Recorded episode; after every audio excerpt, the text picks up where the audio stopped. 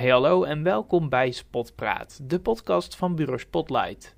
In de serie Regenbooggemeente spreek ik met mensen die te maken hebben met dit thema uit de regio Food Valley. Vandaag spreek ik met Jolien Eshuis, een van de initiatiefnemers van Veers, een werkgroep die zich sinds een paar jaar inzet voor de LHBT-gemeenschap in Ede. Zij kan me vertellen hoe Veers is begonnen en waarom zij zich voor de LHBT-gemeenschap hard maakt. Daarom plofte ik bij haar neer aan de keukentafel, waar we aan de koffie en de vers gebakken cake hierover bijpraten.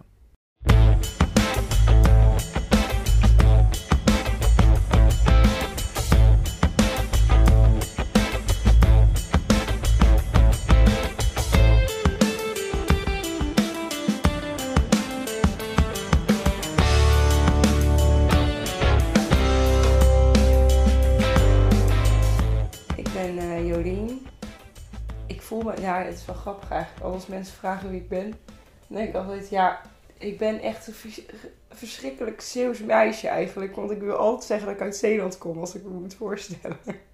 En ik woon nu eigenlijk al vijf, zes jaar in Ede. Een beetje gestrand eigenlijk. Ik begin aan mijn beetje burgerleven, maar ik probeer dat zo veel mogelijk te vermijden. En ben dus nog betrokken bij heel veel leuke projecten, zoals Veers bij Astrand. Wat een prachtig brugje, Jolien, want daar wil ik het met jou over hebben natuurlijk. Dat dacht ik. Ja, kun je daar iets wat over vertellen? Wat is Veers? Wat, wat, en wat is het voor jou? Nou, ik denk eigenlijk dat het eerder eh, dat logischer is om te vertellen hoe ik daar eigenlijk bij betrokken ben geraakt en hoe het daardoor eigenlijk ook ontstaan is. Ik ben in 2018 heb ik stage gelopen bij Astrand. En eh, ik werd daar eigenlijk ingezet op eh, doelgroepsverbreding, zoeken naar projecten die eh, voor Astrand ook interessant zouden zijn. En waardoor we eigenlijk veel meer bezig zouden zijn met nieuwe doelgroepen aantrekken en iets voor Ede betekenen. En eh, toen was er op dat moment, hadden ze al één eh, meeting gehad met een aantal eh jongerenorganisaties. Of eigenlijk organisaties, hele kleine groepjes die zich inzetten voor de LHBT-community. En Xander vanuit Astrand wilde eigenlijk heel graag daar iets mee doen. Die wilde heel graag iets voor die community betekenen. Dus ze hadden het plan om een feest te gaan organiseren. En omdat ik daar de stage kwam lopen, ben ik daar toen betrokken geraakt als projectleider. Dus ik ging samen met Xander ging dat doen. En eigenlijk ben ik daar daarna nooit meer weggegaan. En nu is het ondertussen 2021 en eh, ben ik er nog steeds. En eh, nu heb ik daar wel een heel coronatijd tussen gezeten. Maar goed, ehm, zo ben ik daar toen terechtgekomen. En toen eh, hebben we een keer een vergadering gehad. En, eh, nou, en nog een vergadering. Het was heel leuk. Van, nou, we gaan een feest organiseren voor LHBT en iedereen die daarbij hoort. En ook al hoor je er niet bij, maakt ook niet uit. Eigenlijk gewoon voor iedereen, maar dan wel voor jongeren in Ede. Dus daar hebben we ons helemaal op gefocust. En toen zijn we vanuit Veers verder gegaan. En toen zijn ook de, de, de mensen die erbij betrokken zijn veranderen steeds. Maar daardoor hebben we wel steeds dezelfde naam. En, en daar behoor ik dan nog steeds toe. Ja, want eh, dat is hoe het dus Veers tot, eh, tot standkoming, de tot Ja. van Ja, maar zo ben ik er dus ook eigenlijk een beetje soort ingetrokken en nooit meer weggegaan. Ja, en waarom eigenlijk? Waarom ben je er nooit meer weggegaan? Wat, wat betekent dit voor jou? Nou, het was wel eigenlijk wel. Ik vind het heel tof omdat. ehm, je zet je echt heel maatschappelijk in. Terwijl je eigenlijk ook iets organiseert wat je gewoon heel leuk vindt. Want tot eerst, die eerste keer en ook die tweede. We gaan gewoon een feest organiseren. En wij houden allemaal van feestjes. Dus we vinden het sowieso leuk om een feestje te vieren. Alleen dat al organisatorisch is heel leuk om te doen. Maar er zit een heel, eigenlijk een heel maatschappelijk issue ding achter. Ja, LHBT zijn is geen issue, maar wel hoe er in de samenleving mee om moeten gaan. Het was heel vet om te zien dat je ehm, met het idee van we gaan een feest organiseren toe kon werken naar we gaan eigenlijk gewoon iets betekenen voor hier in Ede voor die, voor die community en voor de samenleving. En dat je ziet dat je met die kracht die dus in zo'n groep zit, dan eh, een maatschappelijk impact zou kunnen maken. Want dat is toch eigenlijk wel wat we aan het doen zijn. Ja, dat vind ik heel vet. Dus dan wil ik daar ook niet zomaar uit. Zeker niet omdat het dus nog niet klaar was. Het is niet na twee feestjes klaar. Er zit nog veel meer achter. Want wat maakte het dan moeilijk om in Ede iets voor LHBT'ers te doen? Ja, toch wel de christelijke omgeving. Dat maakt het het moeilijkste.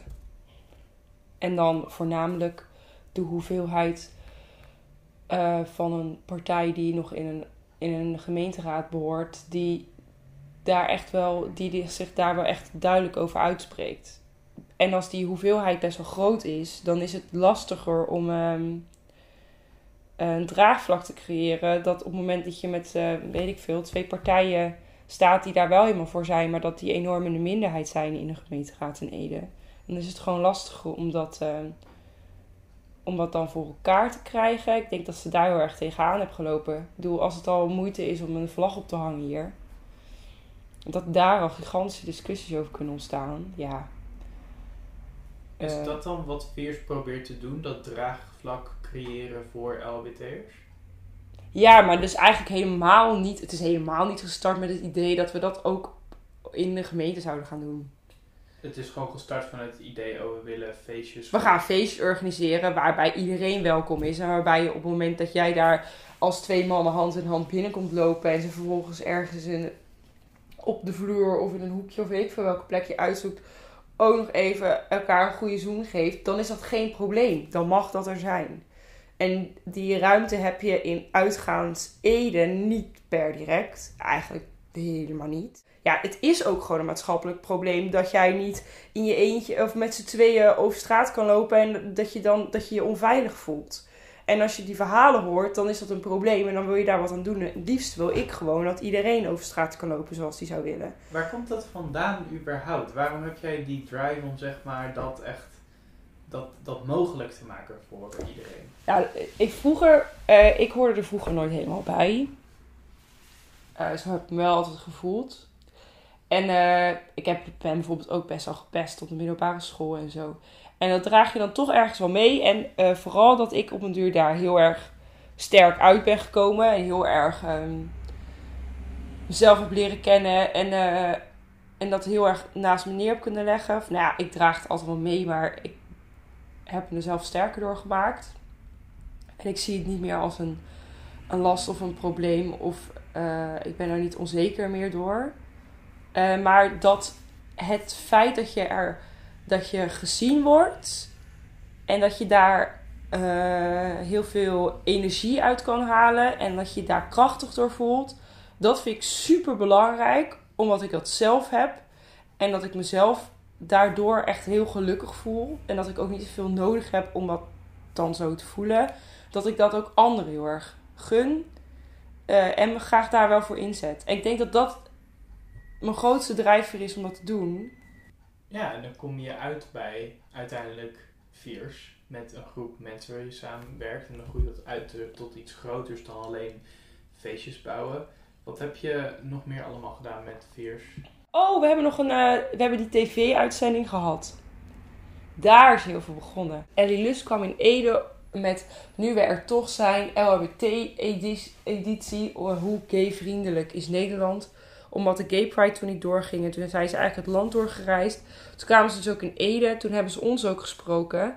En die dag daarna zijn we naar de burgemeester gegaan. En eh, zij zou dan een wimpel uitreiken met hoe LHBT het was. En ze kregen zilver. En toen zei zij, nou als ik over vijf jaar terugkom, is het dan goud? Vroeg ze aan de burgemeester. De burgemeester zei toen, nou maak er maar twee jaar van. Maar wij stonden er allemaal naast. Vanuit daar uh, is eigenlijk die druk meer gekomen. En toen uh, kwam er ook meer vrijheid om, dat, om er iets mee te gaan doen.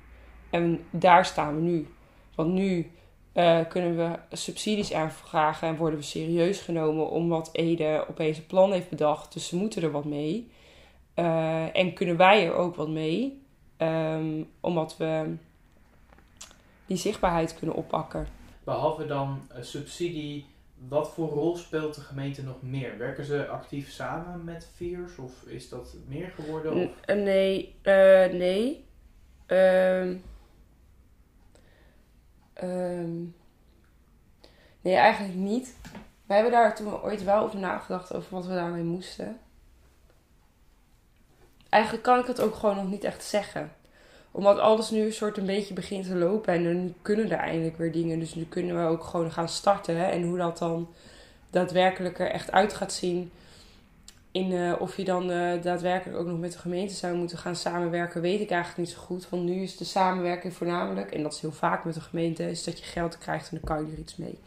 En daarin worden we wel serieus genomen. Maar er, worden ook, er wordt ook een beleid geschreven. Ehm, en daarin worden we niet per se meegenomen. Behalve dan dat ze wel graag dat ze wel mailtjes sturen met: hey, uh, we zoeken jongeren die willen meedenken over. Of hey, we zoeken jongeren die, um, die uh, bij zo'n uh, inspiratieavond willen zijn om na te denken over wat voor plannen we nog meer kunnen maken. Of waar de behoeftes liggen. Of wat de ervaringen zijn, bijvoorbeeld. En die balletjes komen wel bij ons, of ja, ook naar ons met: kennen jullie nog? En willen jullie als veers ook aansluiten? Oh ja, dus de samenwerking is nog heel erg pril, maar het zou eventueel meer kunnen worden en voorlopig is subsidie al heel wat. Ja, maar waar zie jij een samenwerking in de gemeente voor? Want Weet ik niet, daarom vraag ik het jou. Ja, ik, um, daarvoor is de gemeente vind ik vaak ook gewoon een te groot orgaan die niet per se samenwerkt. Maar samenwerkt met de gemeente zie ik eerder als een gemeente die de belangen begrijpt, ze ervoor wil gaan staan en je de ruimte geeft om dat op te pakken. Dus op het moment dat het niet lukt of je loopt ergens tegenaan, dat je dan wel een gemeente hebt waar je op terug kan vallen met: hé hey jongens, jullie hebben dit in een beleid geschreven, we zijn het aan het proberen, het lukt niet. Misschien moeten we, want de. De, de, de, de, samenleving pakt het niet op, bijvoorbeeld. Of uh, we krijgen heel veel druk, of het wordt onveilig, kan ook. Dan um, dan ben je er weer om bij de gemeente terug te vallen. Dus ik denk in die zin heb je een samenwerking, maar uh, het, het orgaan, het, het platform uh, Veers, dat is gewoon een, een organisatie apart. Oké, oké, ja, oké, ik snap wat je bedoelt. Dus eigenlijk wat ze nu doen, het feit dat er een beleid geschreven wordt, dat jullie subsidie krijgen, dat die ruimte er is, is eigenlijk al voldoende. Ja, voor nu wel, vind ik. Je weet niet hoe dat nu gaat lopen en hoe, waar, dan, waar, waar de grens ligt, zeg maar. Nee. Dus, uh, en dat is dan waar ik nu naar doel. Dus ik daarna wel weer wat mensen gaan doen. Vast hele leuke feestjes en avonden bouwen. ja, absoluut, absoluut. Ja. Jolien ziet Viers graag nog meer doen in Ede. Daarom is ze blij dat de werkgroep weer het een en ander kan gaan organiseren. In twee jaar tijd is er volgens haar al behoorlijk wat draagvlak gecreëerd en ze is nog niet klaar met zich inzetten voor de maatschappij. Dit Zeeuwse meisje blijft voorlopig dus nog wel even actief in Ede. Heb jij vragen over deze podcast of een tip aan Bureau Spotlight? Stuur dan vooral een mailtje naar bureau.bureauspotlight.nl. En dat was het weer voor deze aflevering. Bedankt voor het luisteren en tot horens.